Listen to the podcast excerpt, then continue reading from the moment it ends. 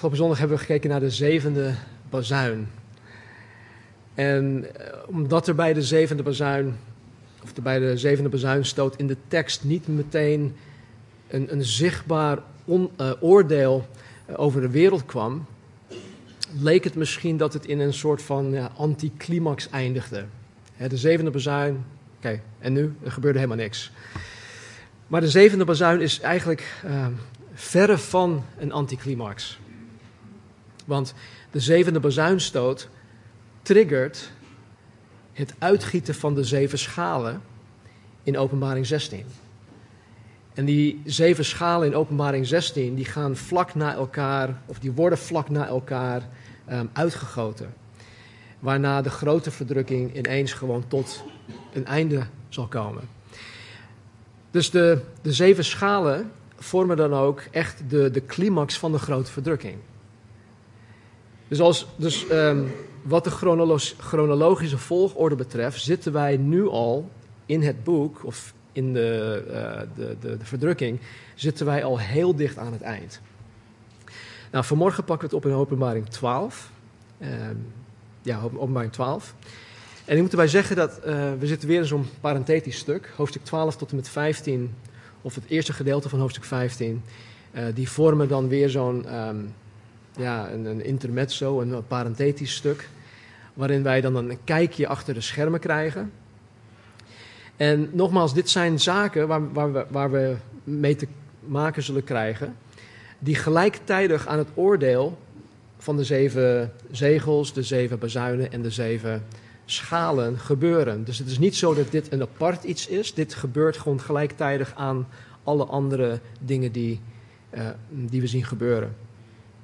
Nou, in hoofdstuk 12 en 13 worden we voorgesteld aan zeven personages. Zeven verschillende personages die een, een cruciale rol spelen in de grote verdrukking. In hoofdstuk 12 zien wij de vrouw. Wij zien daar ook de draak. Wij zien het mannelijk kind. We zien een overblijfsel van gelovig Israël. En wat ik bedoel met gelovig Israël is dat uh, dit Joden zijn die in Jezus Christus geloven. En we zien ook in hoofdstuk 12 de aartsengel Michael. In hoofdstuk 13 zien wij het beest dat uit de zee opkomt. Dat is de antichrist. We zien ook het beest dat uit de aarde opkomt. Dat is de valse profeet. En uh, de draak, uh, het beest dat uit de zee opkomt, het beest dat uit de aarde opkomt, dat is eigenlijk um, de tegenhanger van Gods drie-eenheid. God heeft de, drie-eenheid, God de Vader, God de Zoon, God de Heilige Geest. Dit is dan de draak, de antichrist en de valse profeet. En je zal zien dat, dat dit ook allemaal een, ja, een soort van um, uh, perversion, een perversie is van, van hoe God is. Het is een, een, een nep drie-eenheid. Maar ja, dat, Satan is niet um, origineel. Hij kan God alleen maar proberen na te doen. En dat zien we, dat zien we zo, meteen ook. Um, we zullen het trouwens uitgebreid gaan hebben over de antichrist, de valse profeet, wanneer wij in hoofdstuk 13 zitten.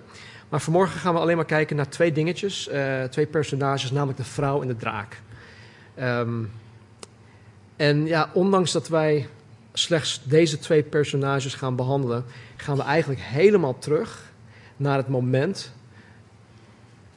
in de, zelfs terug in de eeuwigheid, naar het moment dat Satan in opstand kwam tegen God.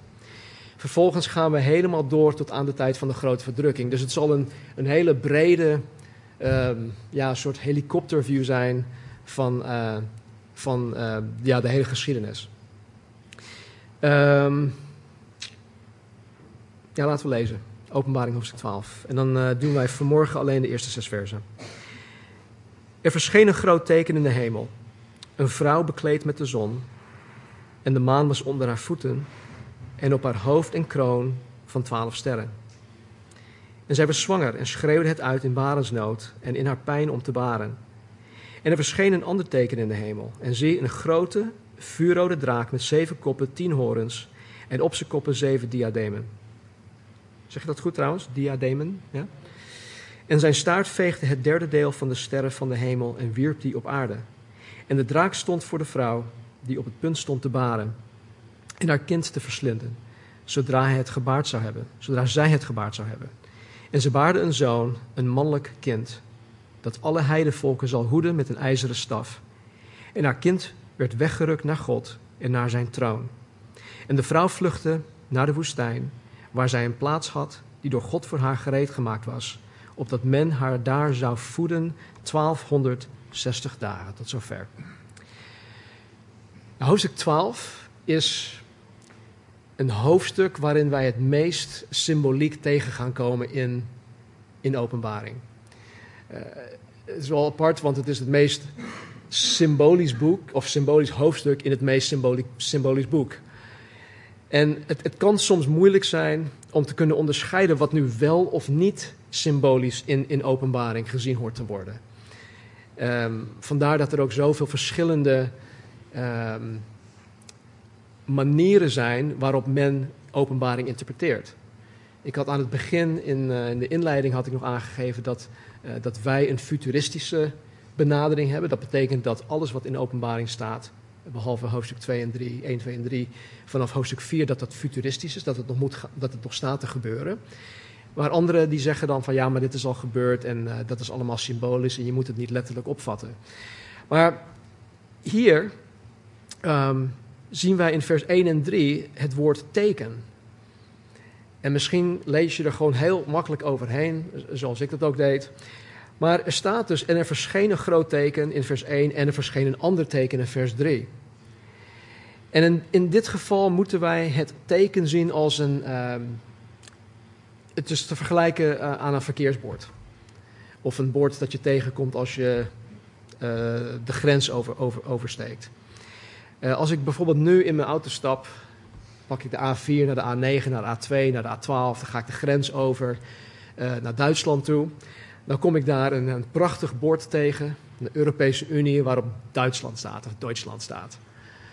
Nou, als ik, als ik op dat moment op dat bord klim en dan zeg ik, hé, hey, ik ben nu in Duitsland. Dat is wel zo, want het bord staat in Duitsland, maar het is niet zo dat dat bord zelf Duitsland is. Dat bord vertegenwoordigt Duitsland. Het, het geeft dus aan dat ik in Duitsland ben aangekomen. Um, het, het, bord verwijst dus naar Duitsland. Het bord zelf is niet Duitsland. En zo ook hier in Openbaring 12, het teken van de vrouw en het teken van de draak verwijzen ons naar iets anders. Nog de vrouw, nog de draak hoort hier letterlijk opgevat te worden. Het gaat dus echt niet om een, een, een letterlijke vrouw, een grote vrouw. Het gaat niet om een grote vuurrode draak. Het gaat om wat daarachter, daarachter zit. Nou, om openbaring 12 te kunnen snappen, is het dus ja, uh, zaak om te weten te komen wie deze personages zijn. Wie is die vrouw? Waar heeft God het hier over? Wie is die draak? Waar heeft God het over? Nou, gelukkig laat God ons niet in het ongewisse, maar hij geeft ons in de Bijbel voldoende bewijsmateriaal om daarachter te kunnen komen. Nu zijn er ook weer verschillende uh, ja, uh, meningen over wie de vrouw is en wie de draak is. Um, daar ga ik het vandaag niet over hebben, anders, het, anders duurt het veel te lang. Maar ik zal vanmorgen alleen um, aangeven wat, uh, wat mijn ontdekkingsreis heeft opgeleverd. Nou, wat hierin opmerkelijk is, is dat doordat Johannes specifiek aangeeft dat het hier over tekenen gaat, oftewel het symbolisch, dat het symbolisch is, impliceert Johannes dat de rest van openbaring dus wel letterlijk opgevat moet worden. Snap je? Hij, zegt, hey, dit is een teken, dit moet je symbolisch opvatten, en dat geeft hij specifiek aan. Dus dat, dat suggereert dat je de rest dus niet als symbolisch moet zien. Dat is even voor degenen die, die uh, dit belangrijk vinden. Vers 1. En er verscheen een groot teken in de hemel, een vrouw, bekleed met de zon. En de maan was onder haar voeten en op haar hoofd een kroon van twaalf sterren. Johannes ziet hier een, een, groot, een groot teken in de hemel. Het, Griekwoord, het Grieks woord voor Johannes, dat Johannes gebruikt is mega. Hij ziet dus een megavrouw in de hemel, die bekleed is met de zon, de maan onder haar voeten en de twaalf sterren op haar kroon. Nou, als je alleen dit vers leest en je kent de rest van de Bijbel niet, dan heb je geen flauw idee waar dit over gaat. En dat zal je ook nooit snappen. Dus het is belangrijk dat je dat je de Bijbel leest, wanneer je de Bijbel leest, dat je dingen in zijn context leest. Nou, nu is het wel een hele brede context, want we gaan helemaal terug naar Genesis 37 om dat dan uh, duidelijk te krijgen. Maar um, um, als je een beetje bekend bent met, met, met het uh, Bijbelboek Genesis, dan weet je dat, uh, dat Jozef, de een na jongste zoon van Jacob, op 17-jarige leeftijd een aantal dromen kreeg. Hij kreeg bijvoorbeeld een droom dat, um, dat um, hij en zijn broers in het veld um, bezig waren. En dat, dat hij zag dat zijn, uh, hoe noem je dat, sheaves. Die schoven, ja, de schoven, die legden ze neer. En van hem die, uh, die, die, die ging opstaan. En die andere schoven, die andere elf schoven, die bogen zich voor zijn schoof neer. Dus dat interpreteerde hij als, toen hij dat aan zijn broers vertelde, die hem sowieso al ja, niet echt kon uitstaan, omdat hij, zij jaloers waren. Um, vonden de broers van, hé, hey, hallo, denk jij nou echt dat wij ons gaan neerbuigen voor jou? En uh, ja, maar goed, uh, Jozef kreeg die droom en hij vertelde dat alleen maar door. Vervolgens krijgt hij nog een droom. En dat staat in Genesis 37, 9 uh, tot en met 11. Ik weet niet of ik hem hier heb staan. Nee. Er staat, hij kreeg nog een andere droom. En vertelde ook die aan zijn broers. Hij zei, zie, ik heb weer een droom gehad. En zie, de zon, de maan en elf sterren bogen zich voor mij neer. Toen hij dit aan zijn vader en zijn broers vertelde, bestrafte zijn vader hem en zei tegen hem: Wat is dat voor een droom die je gehad hebt? Moeten wij namelijk ik, of moeten wij, namelijk ik, je moeder en je broers, soms naar je toe komen om ons voor jou ter aarde neer te buigen? Zijn broers waren jaloers op hem, maar zijn vader hield de zaak in gedachten. Nou, in het schriftgedeelte geeft God Jozef een droom waarin de zon, de maan en de elf sterren Jozefs vader, zijn stiefmoeder Lea en zijn elf broers vertegenwoordigen.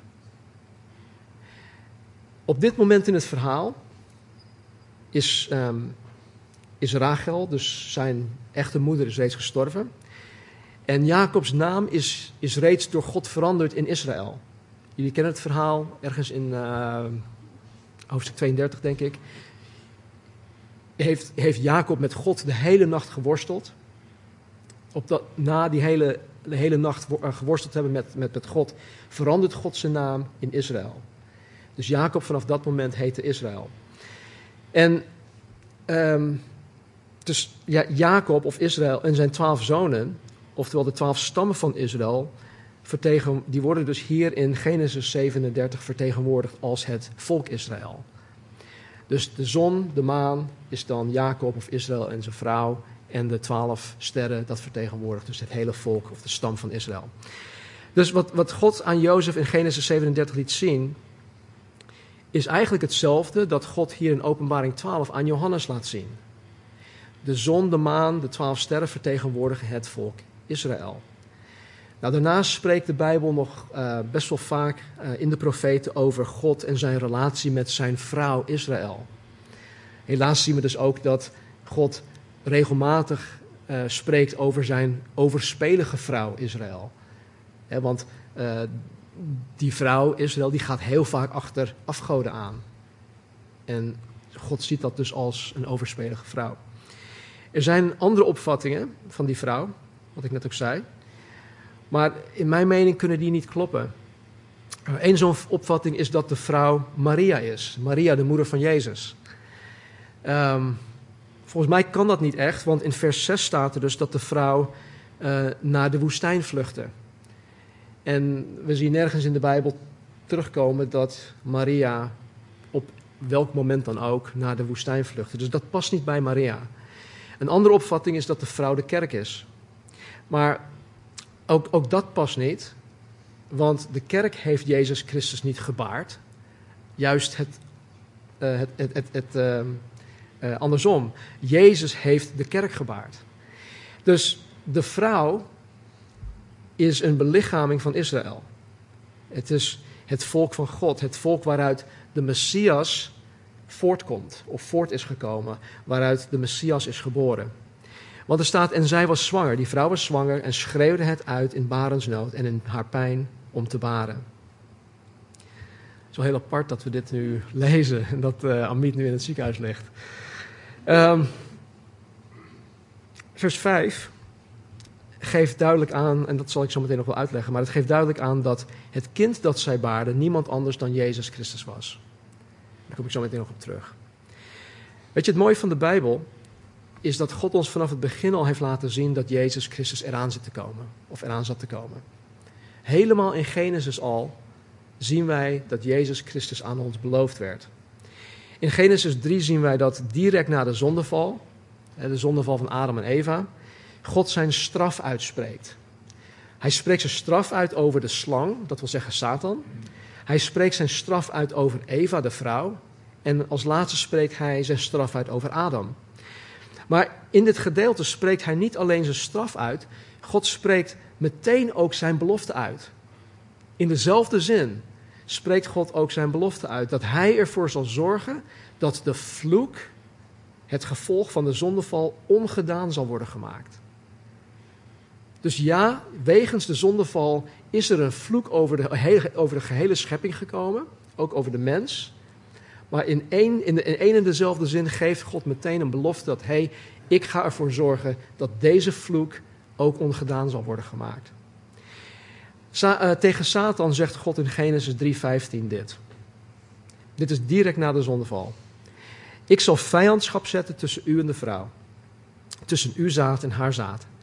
Dit zal u de kop vermorzelen en gij zult het de hiel vermorzelen. Dat is een NBG-vertaling. Nou, twee dingen worden hier duidelijk gemaakt. God heeft het hier over de vrouw en haar zaad. Is dat, is dat normaal of is dat. Nee, toch? Nee. Vrouwen zijn toch geen zaaddragers? Nee, oké, dat is duidelijk. Nee, mannen, mannen zijn zaaddragers. En, en, en hierin verklaart God dus al dat de Messias, dat Jezus Christus, uit een maagd geboren zal gaan worden. God zelf zal voor het zaad zorgen.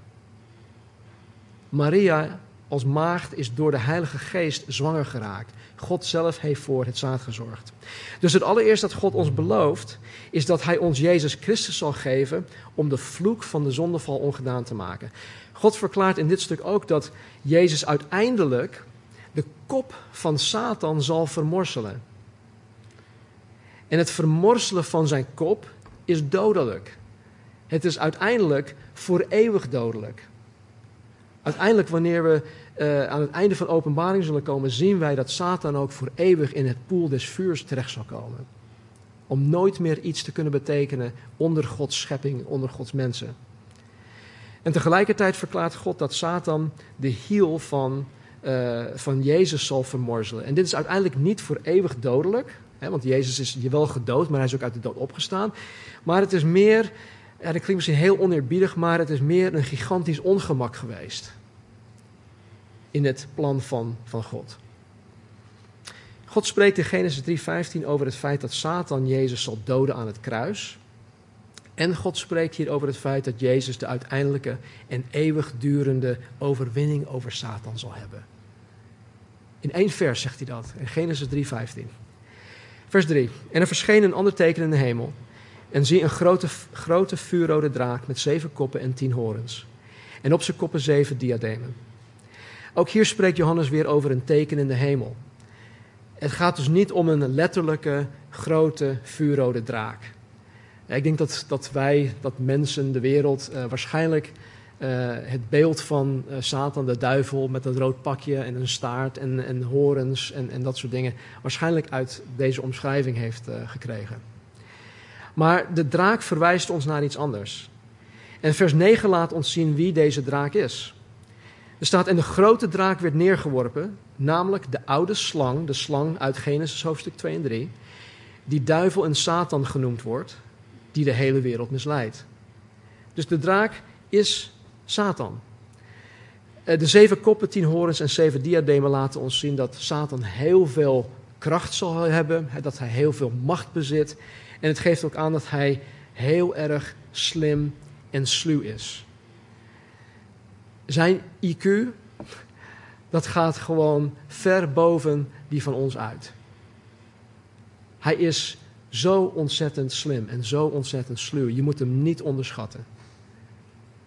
Hij heeft nu al duizenden jaren de tijd gehad om de mensheid te bestuderen. Hij kent ons waarschijnlijk beter dan wij onszelf kennen.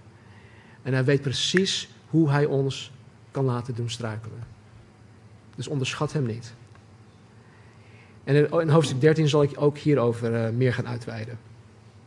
Vers 4. En zijn staart veegde het derde deel van de sterren van de hemel en wierp die op de aarde. En de draak stond voor de vrouw die op het punt stond te baren om haar kind te verslinden, zodra zij het gebaard zou hebben. Nou, ik heb het al vaker gezegd, ook in uh, andere hoofdstukken, dat de sterren van de hemel, dat zijn engelen. Het zijn engelen. En hiermee zegt de Bijbel dus dat Satan op een gegeven moment in opstand tegen God kwam. En dat hij een derde deel van de engelen op een of andere manier overhaalde om aan zijn kant te komen staan.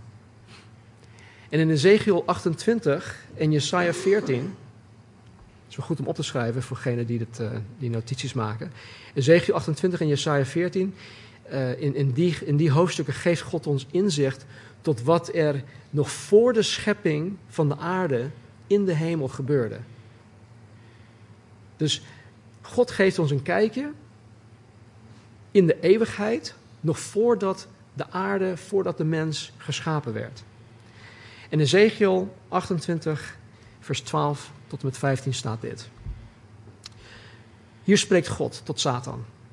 U, toonbeeld van volkomenheid vol wijsheid en volmaakt van schoonheid. U was in Eden de hof van God. Trouwens, even ter iets uh, kanttekening. Hier zegt God dat de volmaakte Satan, voordat hij gevallen was, al in Eden was. Dus dit is een goed argument tegen de gap theory, voor degenen die dit uh, belangrijk vinden. Ja, oké. Uh, u was in Eden de hof van God. Allerlei edelgesteente was uw sieraad. Robijn, topaas, diamant, turquoise, onyx, jaspis, saffier, uh, saffier, smaragd, perl en goud. Het werk van uw tamboerijnen en uw fluiten was bij u. Op de dag dat u geschapen werd, waren ze gereed. U was een gerub die zijn vleugels beschermend uitspreidt. Daarvoor heb ik u aangesteld. U was op Gods heilige berg. U wandelde te midden van vurige stenen. Volmaakt was u in uw wegen vanaf de dag dat u geschapen werd. Totdat er ongerechtigheid in u gevonden werd. Dit is wat God tegen Satan zegt. Dit was hij. Totdat er ongerechtigheid in u gevonden werd. Dus hierom geeft God een omschrijving van Satan hoe hij was voordat hij tegen God in opstand kwam. En in Jesaja 12, of sorry, Jesaja 14 staat dit. Hoe bent u, nogmaals, God spreekt hier tegen Satan, hoe bent u uit de hemel gevallen, morgenster, zoon van de dageraad? U ligt geveld op de aarde, overwinnaar over de heidenvolken. En u zei in uw hart, ik zal opstijgen naar de hemel. Tot boven Gods sterren, dus engelen, zal ik mijn troon verheffen. Ik zal zetelen op de berg van de ontmoeting aan de noordzijde. Ik zal opstijgen boven de wolkenhoogte. Ik zal mij gelijkstellen met de Allerhoogste. Dit noemt men de vijf um, ik zal statements van Satan. Uh, ik zal dit, ik zal dat, ik zal. Ik zal me gelijkstellen met de Allerhoogste. En hier zegt God dus hoe en waarom Satan in opstand tegen God kwam. En in deze opstand uh, tegen God haalde Satan een derde deel van alle engelen over om over te lopen naar zijn kant.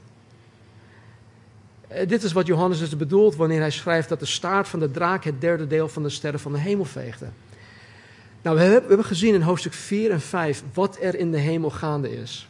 We hebben gezien dat de, de vier levende wezens dag en nacht 24/7 alleen maar God aanbidden. Kan je je. Kijk, voor ons, hè, het, is, het is voor de mens denk ik meer logisch dat wij als mens zijnde misleid kunnen worden door de Satan. Want wij zien die dingen niet. Maar hoe is het mogelijk, of ja, ik, ik, ik, ik, ik kan het niet bevatten hoe het mogelijk zou kunnen zijn geweest dat Satan in de hemel een derde deel van de engelen gewoon overgehaald heeft. Terwijl deze engelen in Gods aanwezigheid waren, terwijl deze engelen God zagen, terwijl alles wat in de hemel gebeurde, dat was hun deel. En toch heeft Satan zo, ja, zo'n macht eigenlijk, zo'n charismatische macht om de engelen over te kunnen halen, om aan zijn kant over te komen. Zat in de draak stond voor de vrouw, die op het punt stond te baren, vers 4, om haar kind te verslinden zodra zij het gebaard zou hebben. Nou, we zullen zo meteen gaan zien dat Satan door de gehele menselijke geschiedenis heen, eh, dat hij, hij getracht heeft om de geboorte van de Messias, Jezus Christus, tegen te houden. Hij heeft dat echt op alle fronten tegen, uh, tegen geprobeerd, uh, tegen te houden. En hier zien we zelfs dat Satan bij de geboorte van Jezus erbij was om Jezus te vermoorden. Het staat, de draak stond voor de vrouw die op het punt stond te baren om haar kind te verslinden zodra zij het gebaard zou hebben. Dus uh, goed, God liet dit natuurlijk niet toe. Maar we zien wel dat Satan Herodes had gebruikt om een poging te doen om Jezus uh, om te brengen. Vers 5. En ze baarde een zoon, een mannelijk kind, dat alle heidenvolken zal hoeden met een ijzeren staf. En haar kind werd weggerukt naar God en naar zijn troon. Nou, er is maar één mannelijk kind waarover de Bijbel zegt dat hij alle heidenvolken zal hoeden met een ijzeren staf. In de Messiaanse psalm, psalm 2, staat, staat dit. Psalm 2, vers 7 tot 9. Ik zal het besluit bekendmaken. God spreekt hier. De Heere heeft tegen mij gezegd, of Jezus spreekt hier, u bent mijn zoon. Ik heb u heden verwekt. Eis van mij en ik zal u de heidevolken als uw eigendom geven. De einde der aarde als uw bezit. U zult hen verpletteren met een ijzeren scepter. U zult hen in stukken slaan als aardwerk. Even verder, helemaal in openbaring 1915 staat, en uit uw mond kwam een scherp zwaard, opdat hij daarmee de heidevolken zou slaan en hij zal hen hoeden met een ijzeren staf. Dus op deze twee plekken spreekt de Bijbel over Jezus Christus. De zoon die de vrouw baarde, ja, dat kan niemand anders dan de Messias zijn, Jezus Christus zelf. En er staat er dat haar kind werd weggerukt naar God en naar zijn troon. En ook hier kan Johannes het alleen maar over Jezus hebben. En want in handelingen, is, handelingen 1 is Jezus teruggevaren naar de hemel. Dat vieren wij als de hemelvaart. In Efeze 1 en in Hebreeën 8 zegt, uh, uh, staat dat God Jezus gezeten heeft aan de rechterhand van zijn troon in de hemel. Dus nogmaals, dit, dit spreekt heel duidelijk over Jezus Christus, vers 6. En de vrouw vluchtte naar de woestijn, waar zij een plaats had die door God voor haar gereed gemaakt was, opdat men haar daar zou voeden 1260 dagen. Nou, dit is wel heel bijzonder, want vers 1 tot en met 5, die zijn reeds gebeurd. Dat is verleden tijd. Er zit dus heel veel tijd tussen vers 5 en tussen 6 in. Tussen vers, vers 5 en tussen vers 6 zit bijvoorbeeld de geboorte van Jezus in. De geboorte van de kerk, de gehele tijdperk van de kerk tot aan de grote verdrukking. Dus er zit nu al ruim 2000 jaar tijd tussen vers 5 en vers 6 in.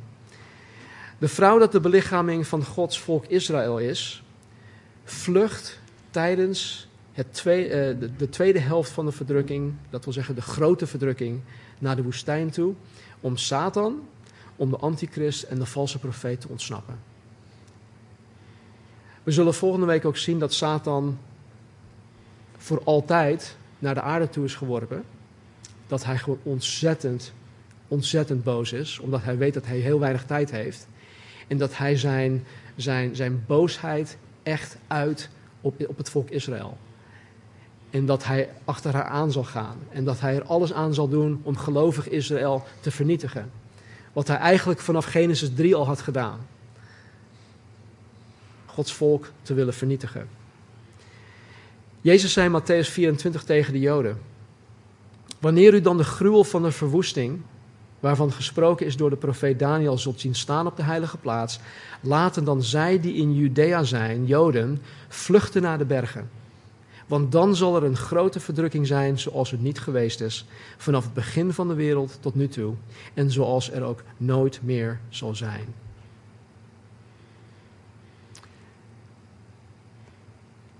Jezus voorspelde dit al, Matthäus 24. Hier zien wij dus dat het nog steeds in de toekomst zal gebeuren, maar Johannes bevestigt dat in Openbaring 12:6. Dat deze groep gelovige Joden daadwerkelijk naar die plaats zullen gaan, toe zullen gaan. En dat God hun daar zal beschermen. De 1260 dagen is gelijk aan 3,5 jaar. Het zijn uh, 3,5 jaren van 30 dagen per maand. Het gelovig overblijfsel van Israël zal dus halverwege de verdrukking naar de woestijn toe vluchten, waar God hun zal beschermen tegen de Satan, tegen de antichrist, tegen de valse profeet. En hij zal uh, zorgen voor hun levensonderhoud. Voor 3,5 jaar lang. Doet een beetje denken aan, uh, ja, aan Israël in de woestijn. Toen ze voor 40 jaar lang rond dwaalden. Dat God hun ook onder, uh, onderhield.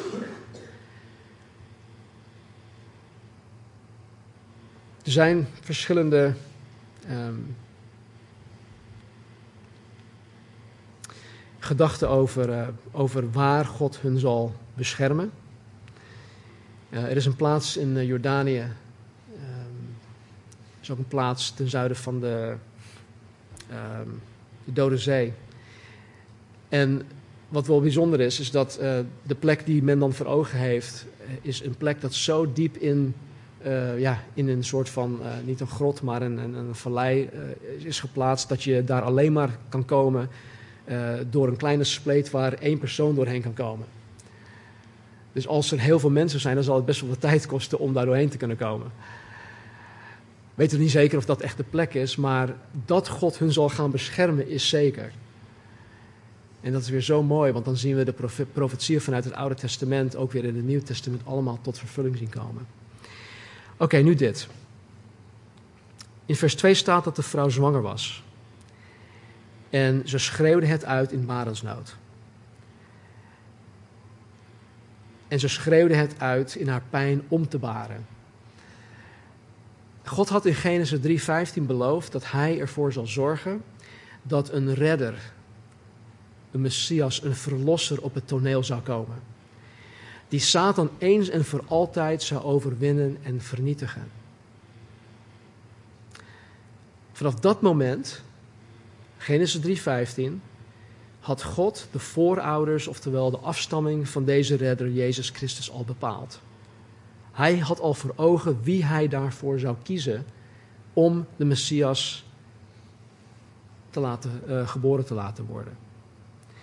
Nou, we zien door de gehele uh, geschiedenis van Israël heen dat zij met heel veel pijn en barensnood de Messias mocht baren. Ik heb het nu niet over Maria. Ik heb het over het volk Israël. En de reden voor deze pijn is dat Satan vanaf Genesis 3:15 erop uit is geweest en nog steeds erop uit is om de geboorte van de Messias Jezus Christus gewoon tegen te houden. En weet je, dat is, dat is gewoon logisch. Even als we het logisch gaan beredeneren. Als God tegen Satan zegt dat God iemand ter wereld zal brengen die Satan zal verslaan, dan is het logisch dat Satan er alles aan zal doen om te voorkomen dat deze persoon geboren zal worden. Toch? Hij is best wel slim. Hij weet wat er gaat gebeuren. Oké, nou die moet ik, dat moet ik echt kosten wat kost uh, voorkomen. En zo zien we dus door de gehele geschiedenis van de mens en van Israël heen dat Satan erop uit was om de lijn, de, de, de stamboom van Jezus uit te roeien. In veel gevallen wist hij niet precies wie het was hè, of, of wie hij moest uitroeien. Eh, Satan is niet alwetend. Maar hij is wel slim genoeg om door uh, ja, ehm, deductie en dat soort dingen, om te kijken van oké, nou die is het niet, die is het niet, dan moet het zeker deze zijn. En zo gaat hij heel slim, en door de jaren heen, door de eeuwen heen, is hij heel slim te werk gegaan om die lijn uit te roeien. Wij zien bijvoorbeeld, en er zijn zoveel voorbeelden, ik, ik geef jullie vanmorgen slechts een heel klein beetje. Maar we zien in Genesis 4 dat Kain zijn rechtvaardige broer Abel vermoordde.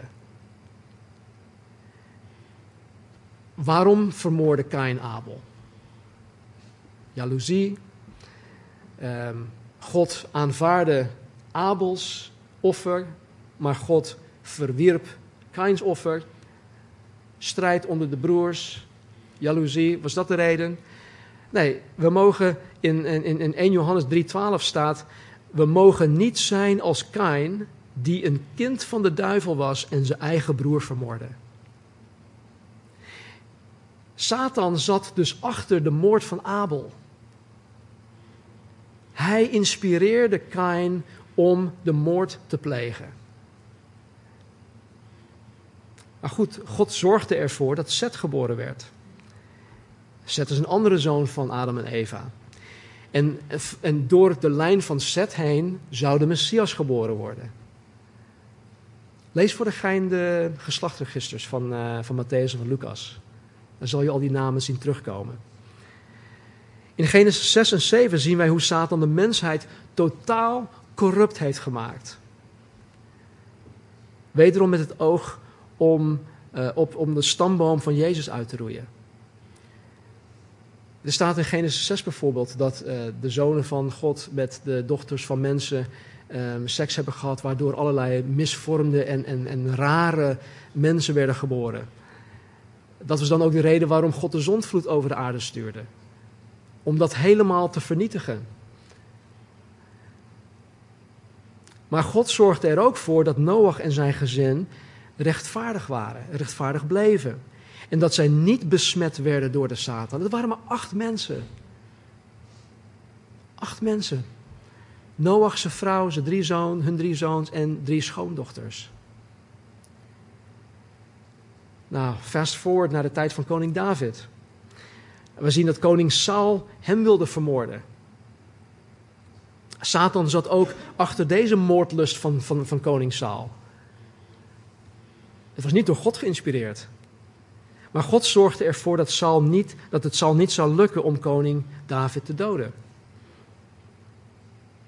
En hier heb je nog een voorbeeld, dat is best wel um, onbekend. Maar in 2 Kronieken 22 lezen we over een bepaalde vrouw, die heet Atalia. Dat is de moeder van een koning. En um, na het sterven van haar zoon de koning, koos zij ervoor om, het, om heel het mannelijk geslacht van Juda om te brengen. De Messias zou voortkomen uit het stam Juda. Dus ook hier zien wij dat, dat haar poging om, het, om heel het mannelijk geslacht van Juda uit te roeien, dat dat ook gefaald is. Het, het, het, het, um, ze had alle mannen, alle mannen van, van de stam Juda omgebracht, behalve één jongetje. Eén jongetje die Joas heette. En de dochter van de koning nam, nam dit jongetje weg en zij verborg hem zes jaar lang, zodat de vrouw ook hem niet kon vermoorden. Eén jongetje ging het om. In dit geval was er nog maar één persoon overgebleven waaruit de Messias zou komen. Weet je, en dit zet me ook aan het denken. Ik hoor heel vaak dat uh, God soeverein is. En hij is ook soeverein, begrijp me niet verkeerd. Maar ik hoor te vaak, denk ik, ja, uh, God kan, kan alles, hij kan het ook zonder jou.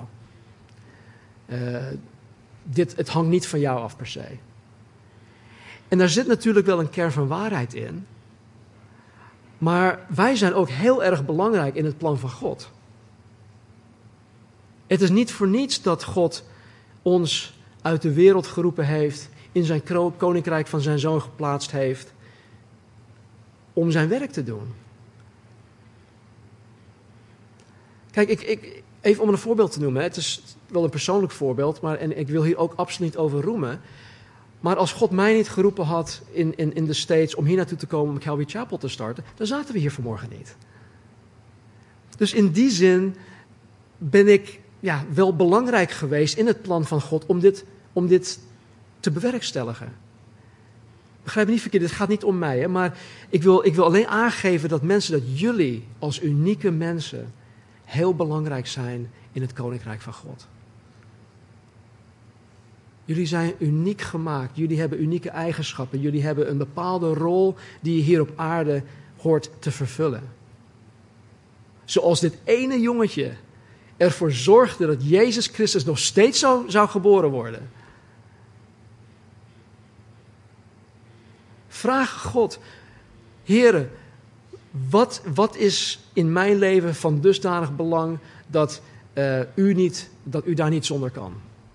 En natuurlijk is dat theologisch gezien en uh, whatever, is, is dat misschien niet, uh, klopt dat misschien niet. Maar er, er, is wel iets dat God, um, dat God heeft, um, God vindt ons belangrijk. En wat, wat Dennis bijvoorbeeld kan doen, dat kan niemand anders doen. Wat, wat, wat Gita kan doen, wat, wat Gerry kan doen in Gods Koninkrijk, dat kan niemand anders doen. Dus het, het belangrijke is niet alleen om God te vragen: Heer, wat is mijn, mijn rol hierin? Maar help mij alsjeblieft om niet uh, te proberen iemand anders te zijn, maar help mij juist om mij te zijn. Het is, het is vaak ook een valkuil dat wij ons. Uh, ja, dat wij willen zijn zoals iemand anders. Maar God heeft mij niet gemaakt om zoals een ander te zijn. God heeft Delano niet gemaakt om als mij te zijn. En God heeft. Nee, we zijn uniek. En God wil ons gebruiken. Het ging om één jongetje. Nou, ik zei dat ik heb heel veel overgeslagen. Maar het punt is dat Israël het door de eeuwen heen het zwaar te verduren heeft gehad. Doordat zij de redder, de Messias, de verlosser zou baren. Zij waren gewoon een doelwit van Satan. En Satan heeft Israël door de eeuwen heen en vandaag de dag nog steeds altijd willen uitroeien. Wat denk je van, van Adolf Hitler? De Tweede Wereldoorlog. Dat is allemaal door Satan geïnspireerd. Door de eeuwen heen, in de 18e eeuw, de 17e eeuw. Toen uh, bijvoorbeeld, uh, ik weet niet of de Amerikaanse geschiedenis is dit, maar toen Christopher Columbus uh, in 1492 Amerika had ontdekt. Toen werden de, de, alle Joden in Spanje ook uitgeroeid. En zo zijn er zoveel voorbeelden van hoe Satan achter de schermen mensen en, en politici heeft gebruikt om de Joden op een of andere manier uit te roeien. En in vers 4 staat dat de draak voor de vrouw stond om haar kind te verslinden zodra zij het gebaard zou hebben. Nou, in Matthäus 2 zien we dat toen Herodes erachter kwam dat de Messias geboren zou worden, of dat hij geboren werd, hij Jezus wilde vermoorden. En op een hele sluwe manier probeerde hij erachter te komen waar hij precies was. En toen het hem niet lukte om Jezus te vinden, besloot hij om alle jongetjes in dat gebied van twee jaar en daaronder gewoon te vermoorden. Hoe ziek is dat? Hoe ziekelijk is dat? Zo gedreven.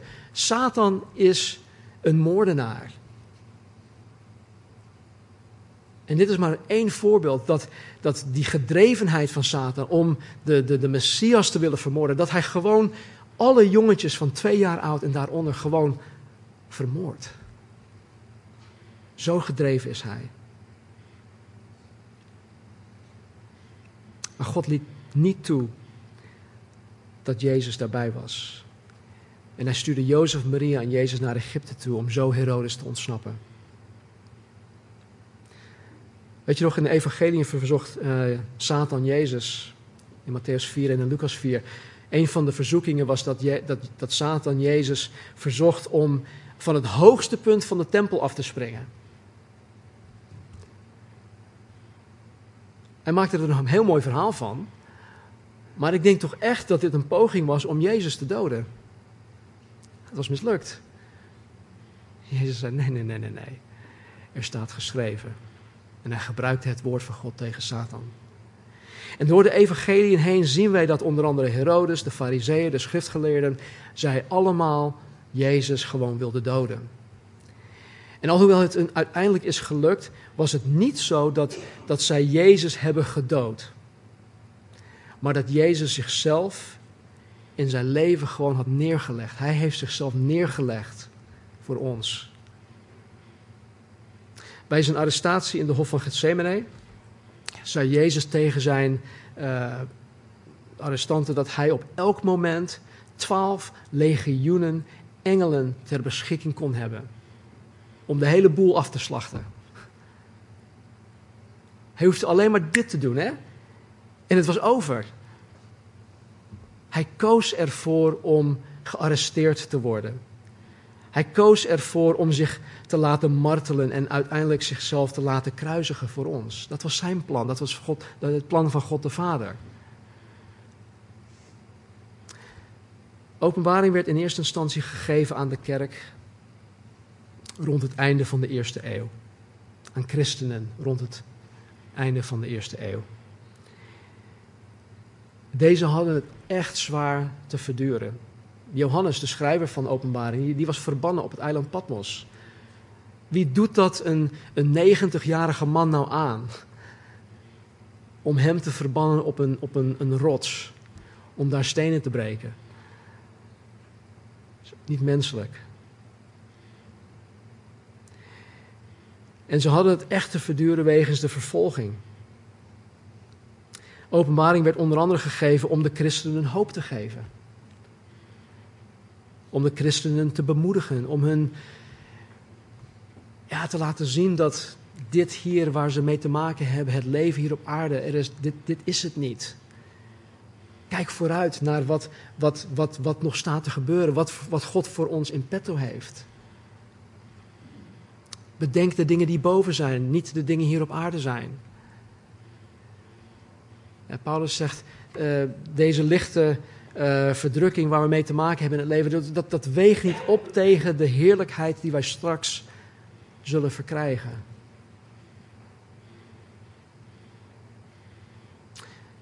Het werd gegeven om de christenen te laten zien dat Gods plan volbracht zal worden. En dat Satan uiteindelijk vernietigd zal worden en dat Jezus uiteindelijk zal zegenvieren. Weet je, er zijn momenteel, vooral rond, rond de kersttijd, heel veel eenzame mensen. Mensen die het niet meer zien zitten. De, de, de zelfmoordcijfers die, die stijgen meestal rond de maand december, januari. En weet je, wij hebben, wij hebben die hoop. En ik denk dat God ons geroepen heeft. Eh, dat God ons geroepen heeft om deze hoop met mensen te delen. En weet je, al, al, al kunnen wij maar met één persoon praten over de hoop die God ons geeft. Mensen, dat is, dat is weer één persoon. Het gaat God echt om die enkeling. God is de God van maatwerk. God is een persoonlijke God. Het gaat om een persoonlijk mens. En wij kunnen allemaal op onze eigen manier, met onze eigen eigenschappen, met onze eigen karakters, met ons, in onze eigen kringen, kunnen wij iemand bereiken met die hoop. De tijd waarin wij nu leven, hebben wij zelf deze hoop nodig. Jezus Christus is de enige hoop voor de mens. En mijn gebed is ook dat in ieder van jullie deze hoop ook echt hebben. Voor jezelf ten eerste, maar vooral ook om dat met anderen te mogen delen. Laten we bidden. Hemelse Vader, dank u wel dat u ons hoop geeft. Dank u wel dat u ons de script al hebt gegeven, Heer, van hoe het zal eindigen. Heer, dat Satan uiteindelijk vernietigd zal worden. Heer, dat we daar niets meer mee te maken zullen hebben. Dat u, Jezus Christus, zal zegenvieren. En dat wij niet alleen in het duizendjarige rijk, Heer, met u zullen regeren, dat wij eh, ja, die geweldige tijd mogen doorbrengen. Maar dat wij ook voor eeuwig, Heer, verzegeld zijn. En dat wij de nieuwe hemel en nieuwe aarde zullen meekrijgen, meemaken. Heer, dat is onze hoop. U bent onze hoop. En Heer, als er vanmorgen iemand is die, die geen hoop heeft, Heer, maak uzelf kenbaar. Geef hen hoop. En help ons, Vader, om biddend met mensen te praten. Heer, al is het maar één persoon, om zo met die persoon uw hoop te mogen delen. Dank u wel dat u ons hoop geeft. Dank u wel dat u ons bemoedigt. Dank u wel dat u zo ver gegaan bent. Heren, om de vloek ongedaan te maken. Om de zondeval ongedaan te maken. En dat u vanaf Genesis 3 al hebt beloofd dat de Messias, de redder, de verlosser, al komen zou. En Heer, ik bid voor de vrede van Jeruzalem. Bid, Vader, dat uw Heilige Geest de mensenharten daar zal bewegen. Zowel de Joden als ook de Arabieren, Heer, dat u uzelf als Yeshua HaMashiach, Heer, zal bekendmaken aan dit volk. bid ook in het bijzonder voor Benjamin Netanyahu, vader. Dank u wel dat hij de Bijbel leest. Trek hem naar u toe. Geef hem wijsheid. En help ons ook, heren, om hen te zegenen. Zodat wij ook uw zegen mogen ontvangen van Genesis 12. Breng een iemand, heren, op ons pad. Waaraan wij uw hoop mogen delen. Doe dat deze week. Doe dat vandaag. Dat bidden wij in Jezus' naam. Amen. Amen.